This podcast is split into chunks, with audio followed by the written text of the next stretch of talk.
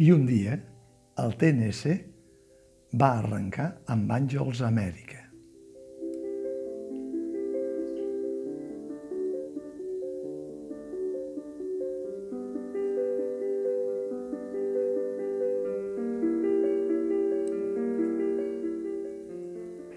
Així com el director Josep Maria Flotats va decidir fer una preestrena del nou edifici del Teatre Nacional de Catalunya la tardor del 1996 a la sala Tallers, aleshores encara asfixiant i sense aire condicionat, amb la seva versió particular de la primera part d'Àngels Amèrica, el mil·lenni s'acosta, de Toni Kushner, l'actual directora del TNC, Carme Portacelli, ha decidit tancar la programació de la seva primera temporada amb una altra proposta tan arriscada com aquella, diria que arriscadíssima,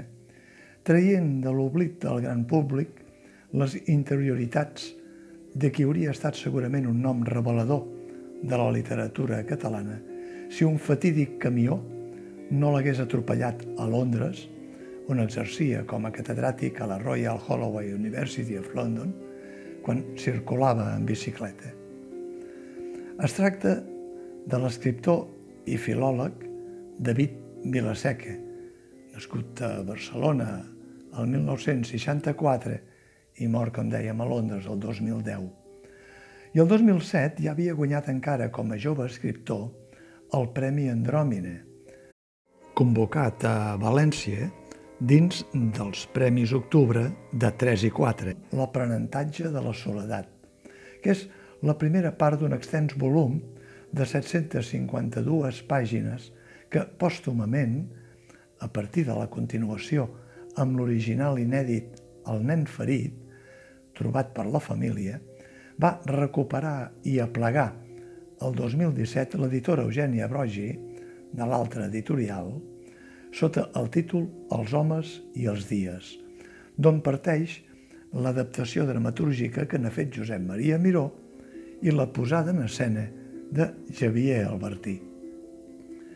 Valgui aquí la presentació que el mateix David Vilaseca fa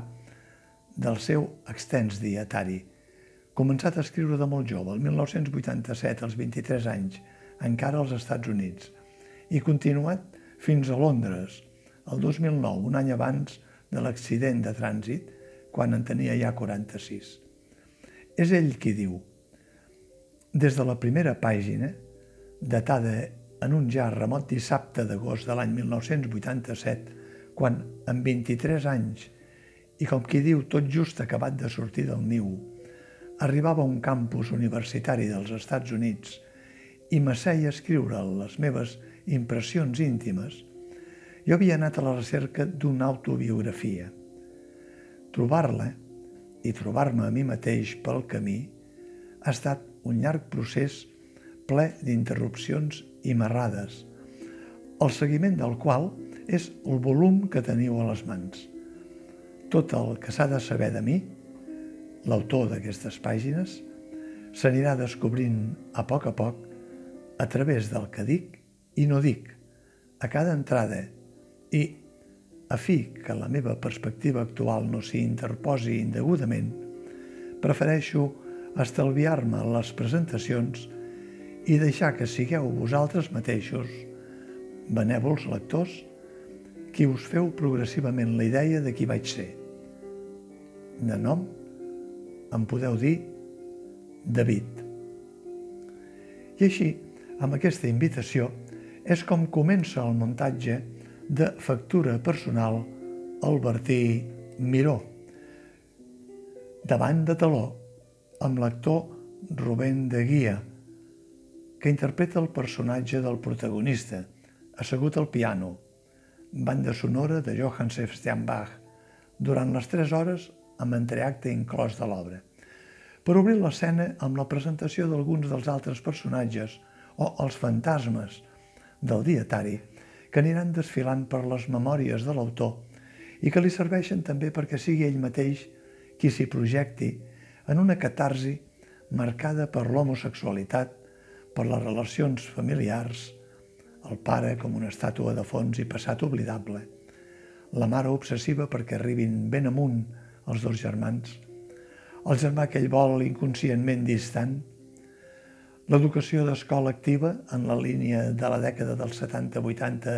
de Rosa Sensat, la pressió de l'herència de la tradició nacional catolicista, la Catalunya en construcció del monopoli convergent d'un quart de segle i fins i tot la seva sorpresa quan sap des de Londres que Josep Maria Flotats provoca el poder establert amb l'obra de Tony Kushner i s'assabenta de la presumpta rebufada de la primera dama, Marta Ferrusola, la que amb el conseller Max Canner havien importat flotats des de la Comédie Francès per elevar el teatre català al llistó de la grandeur veïna. Xavier Albertí ha optat per una posada en escena dels homes i els dies austera, sòrdida, de tendència tenebrosa, minimalista, deixant només lloc a la paraula i a les intervencions de cadascun dels personatges, sense autocensura, amb les frustracions i els desitjos d'un personatge que es declara obertament gay, de la seva caiguda als inferns, de la seva etapa d'amor i desamor, passant pels temps de sexe prohibit als lavabos i les raconades de les estacions de metro, pel sexe de cruising o per les sessions d'una altra mena de cruising,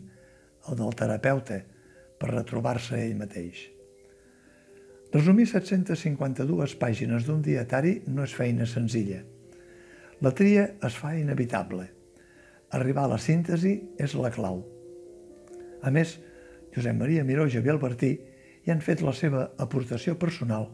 posant l'èmfasi en alguna de les cartes que el protagonista té en una relació epistolar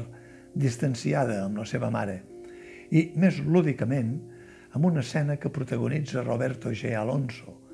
autor també del moviment coreogràfic que apareix en alguna escena, on repassa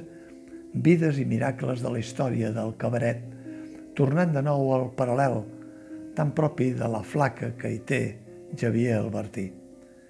Entremig s'hi passegen citacions de Josep Pla, del guixolenc Gaziel, del salvatà Joan Puig i Ferreter amb els seus camins de França, de Josep Maria de Sagarra i també de Joe Orton o André Gide, dos autors defensors dels drets del col·lectiu gai. Malgrat que podríem tornar a parlar del teatre testimonial d'un temps i d'un país, tant la dramatúrgia com la posada en escena pretenen dotar el muntatge d'una pàtina de teatralitat amb uns mòduls escenogràfics que tant serveixen per fer de lavabos de metro com de conversa de tresillo o de consulta de terapeuta. Al costat d'un Rubén de Guia, que dona veu al protagonista d'una manera brillant i que té el paper més extens de tot el muntatge perquè és el responsable de la narrativa, hi ha, a més de l'esmentat Roberto G. Alonso, en una apoteosi d'actriu vermell encès, dues intervencions que fan d'esparring de tots els altres, però des de l'òptica femenina. El de la mare, amb un moment escènic en clau de monòleg d'alta volada de Mercè Arànega, per cert, actuant excepcionalment amb una discreta mascareta, i el de l'actriu Paula Blanco, que protagonitza també un mini monòleg inicial que il·lumina per uns moments la tendència farcida d'un ritual de foscor que envolta la majoria de tots els altres personatges masculins que fantasmegen